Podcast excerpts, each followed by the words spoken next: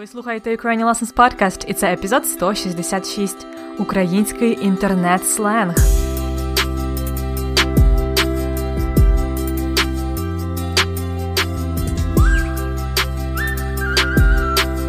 Привіт, друзі! Це Анна Огойко і подкаст Уроки української. Подкаст для всіх, хто вивчає і любить українську мову. Сьогодні ми багато часу проводимо в інтернеті. Навіть мене ви зараз можете слухати завдяки інтернету, правда? Ви завантажуєте нові епізоди подкасту у своїй улюбленій програмі, або слухаєте на сайті ukrainianlessons.com. Особливо зараз, у часи коронавірусу і карантину, люди дедалі більше спілкуються онлайн, і це спілкування досить таки особливе, бо ми часто вживаємо слова, які не використовуємо під час справжньої розмови. Сьогодні пропоную вам прокачати свій інтернет-сленг українською, тобто дізнатися слова та форми, які ми використовуємо в інтернеті, коли говоримо українською. Готові? В інтернеті здається, що люди завжди кудись поспішають. Нам постійно треба відповідати на купу повідомлень, слідкувати за оновленнями улюблених блогерів, а ще є електронна пошта. Ох. Мабуть, саме через це в інтернеті можна помітити дві тенденції. Перша тенденція скорочувати слова. Навіть слово інтернет ми скорочуємо до нет або інет. Пошукай в неті. Це скорочено пошукай в інтернеті. Ось ще кілька прикладів типових скорочень. Коли ми чатимось, тобто обмінюємось повідомленнями в чаті, ми пишемо інколи не привіт, а прив. Не дякую, а дяк або дяки. Не інформація, а інфа. Не комп'ютер, а комп. У мене комп завис. Ще є всім відоме LOL LOL. Воно означає те саме, що в інших мовах. Голосно сміюсь. Ще є одна дуже типова абревіатура ХЗ. Це дві букви. Російською мовою ХЗ це, можна сказати, матюк, тобто непристойне слово. А українською це можна розшифрувати абсолютно нормально. Це слово хто зна. Хто зна. Якщо ваш друг питає вас у чаті щось, а ви не знаєте, що відповісти, можете написати хз, просто дві букви. Але знову ж таки, це має бути досить близький друг, бо це все-таки сленг.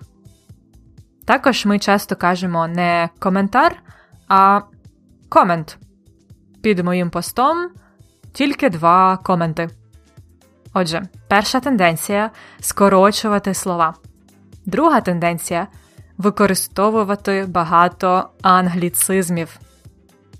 В інтернеті все рухається дуже швидко, і, на жаль, у нас немає часу вигадувати, тобто створювати нові українські слова. Тому часто люди просто використовують англійські слова, але на український манер. Це особливо зручно, коли українське слово буде дуже довге, а англійське коротке і просте. Ось, наприклад, кажуть пост в соцмережах замість публікація або допис в соцмережах. Пост це набагато коротше. Також є дієслово запостити замість опублікувати. Дивись, Анна запостила селфі. Так само кажуть лайк і дизлайк або просто диз. Хоча зараз е, є ще інше українське слово, яке поширюється, це слово вподобайка на позначення лайк. Це досить прикольне слово вподобайка, але теж трохи довге. В інстаграмі та Фейсбуці ми можемо лайкати. Тут е, досить цікаво, як англійське слово to like ми пристосовуємо до української мови. І це дієслово навіть має доконаний і недоконаний вид. Лайкати це недоконаний вид, а лайкнути або залайкати це доконаний. Чому ти не лайкнув мій пост? Доконний вид. Погляньмо на ще кілька популярних сленгових дієслів. Вони пішли переважно з англійської мови. Забанити. Мене забанили в цій групі. Гуглити. Я загуглила, але нічого не знайшла. Спамити. Перестань мене спамити. Зафрендити. Вона мене зафрендила у Фейсбуці. Розшарити екран. Розшар, будь ласка, екран у зумі. А ось ще кілька іменників. Фіча. Це в програми може бути якась цікава фіча з англійського feature. Гівка. Яка смішна гівка, наприклад. Мемас це мем. Де ти знайшла цей мемас? Смайлик. Я часто пишу смайликами. Офтоп це одне слово. Наприклад, вибачте за офтоп, тобто, вибачте, що я відійду від теми, буду говорити про щось інше. Отже, це були сленгові слова з англійської мови. А ось ще кілька корисних слів, які ми дуже часто використовуємо в інтернеті. Це дієслово скинути. Скинь мені відос, про який ти казала. Тобто, надійшли мені швидко це відео, скинь мені відос. Зависнути. У мене завис комп. Тобто, мій комп'ютер не реагує, не працює. Глюк. Це якась проблема в програмі, коли програма не працює як треба. Що це за глюк? Окремо хочу згадати одну досить особливу тенденцію. Ми інколи, як сленг, використовуємо російські слова, але з заміною російських звуків О або Є на український І.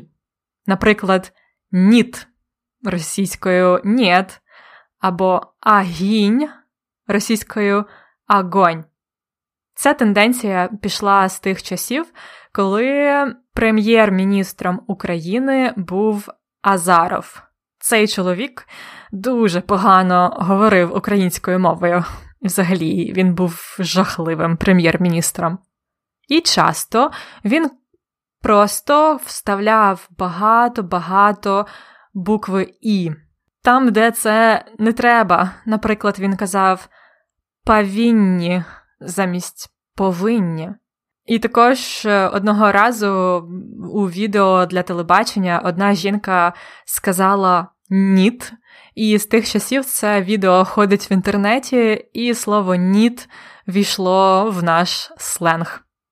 І на сам кінець я хочу дати вам 5 корисних сленгових фраз, які ви можете використовувати, коли хочете відреагувати на чийсь пост в інтернеті або якесь відео чи публікацію у Фейсбуці, наприклад. Тобто, наприклад, е, в наших соцмережах на Ukrainian Lessons ми щось запостимо, а ви можете написати нам коментар. Так от, якщо вам це дуже сподобалось, ви можете написати бомба. Тобто це щось дуже класне, просто чудове. Бомба, наприклад, відеобомба.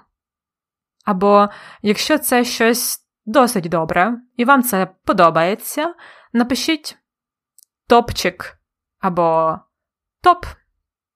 Далі, якщо це щось цікаве, але не щось надзвичайне, ви можете просто написати норм. А якщо хочете відреагувати, що вам соромно за те, що ви побачили, можете написати українськими буквами facepalm. Ну і смайлик, звичайно, додайте. Ну, якщо це щось, що вам дуже не подобається, наприклад, якщо на виборах виграв хтось дуже поганий, ви можете написати повний треш. Тобто це щось дуже погане, повний треш.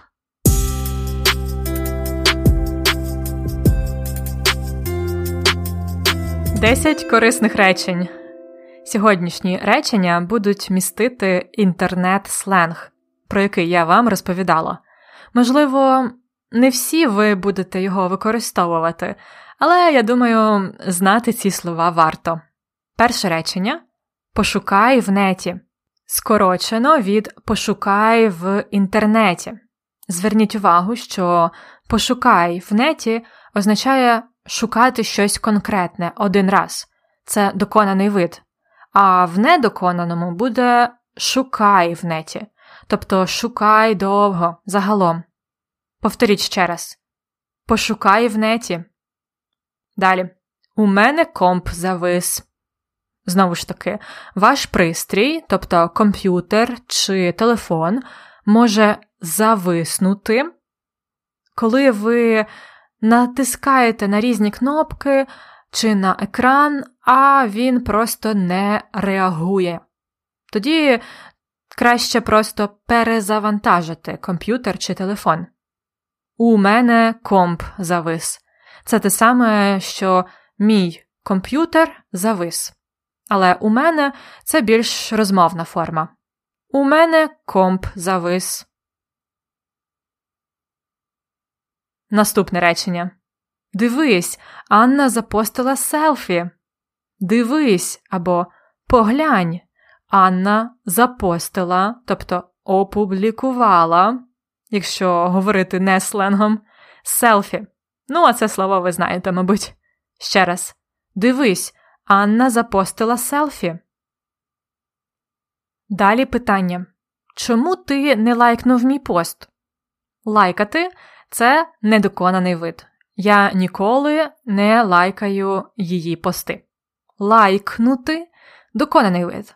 Він не лайкнув мій пост. Цей конкретний пост, тобто один раз. Пам'ятайте, що пост це сленг, а повне правильне слово публікація або допис. Чому ти не лайкнув мій пост? Наступне речення. Перестань мене спамити. Перестань спамити мене або перестань мене спамити. Перестань або припини плюс інфінітив. Ви говорите це, щоб попросити когось перестати, припинити, тобто не робити більше цього. Це форма на ти. Перестань мене спамити. А на ви буде Перестаньте мене спамити. Далі ще одне звертання на ви. Вибачте за офтоп. Офтоп це одне слово, походить з англійської мови, але в українській ми його дуже любимо використовувати неформально, як сленг, бо воно дуже корисне і зрозуміле. Офтоп це інформація чи питання на іншу тему. Наприклад, ви в групі на Фейсбуці чи на форумі розмовляєте на якусь тему і раптом ви пишете Вибачте, за офтоп, тобто я хочу змінити тему. Так само ви можете написати це в чаті, якщо ви щось говорили і вирішили почати про щось інше говорити. Наприклад, офтоп, що ти сьогодні одягнеш на вечірку? Повторіть. Вибачте за офтоп. Наступне речення теж у наказовому способі. Скинь мені відос, про який ти казала. Скинути це дуже популярне слово в інтернеті. ми скидаємо посилання або лінки, а також документи. Скинь плюс мені. Це давальний відмінок. Наприклад, скинь Юлі відос або скинь Івану фотку. Відос це, звичайно, сленговий варіант від слова відео, а фотка фотографія. Скинь мені відос, про який ти казала. Про який? У випадку з про ми завжди записуємо про перед яка, яке, які, що. Повторіть. Скинь мені відос, про який ти казала. Наступне речення. Що за глюк? Глюк це коли щось не працює, особливо на компі чи на телефоні, коли щось зависло чи неправильно функціонує. Ну, наприклад, ви хочете скинути Насті відос, а він не скидається, не надсилається. Ви тільки бачите 0% і все. Тоді ви можете сказати: Відос не скидається. Що це за глюк? Або Що за глюк? Повторіть. Що за глюк? Наступні будуть дві фрази, якими ви можете описати щось дуже круте, щось чудове. Це бомба і топчик. Я думаю, ці фрази використовують е, також в розмовній мові, хоча переважно саме в чатах і коментах. Фотки бомба або відос топчик. Повторіть бомба. Топчик. І останнє речення на сьогодні досить негативне буде. Повний треш. Так, треш це не дуже приємно, а повний треш, тобто абсолютний треш, це дуже погано. Це може бути щось дуже нецікаве, нудне, або просто якась погана новина чи щось несправедливе. Наприклад, зараз в деяких містах України майже немає тестів на коронавірус, хоча хворих людей багато. Про це можна сказати. Це повний треш. Також є прикметник трешовий або трешовий. Наприклад, це кіно трешове. Так так, повторіть повний треш. Коли я записувала цей епізод, я зрозуміла, що він може бути корисний не тільки іноземцям, а й українцям старшого покоління. Звичайно, сленг це слова, які не всі люди використовують. Переважно сленгом говорять е, молоді люди та близькі друзі. Але, можливо, тепер ви будете розуміти трошки краще український світ інтернету. До речі, ви можете почати практикувати свій український інтернет-сленг прямо зараз у нашій активній групі на Фейсбуці Ukrainian Learners Group. Заходьте, у нас там багато цікавого, і там немає трешу. Ви можете знайти групу за посиланням ukrainianlessons.com fbgroup. А також, якщо ви ще цього не зробили, підписуйтесь на преміум, щоб отримувати наші конспекти уроків. Нам часто кажуть, що наші конспекти це просто бомба. Дізнайтеся більше за посиланням ukrainianlessons.com episode 166. Гарного вам дня чи вечора. На все добре!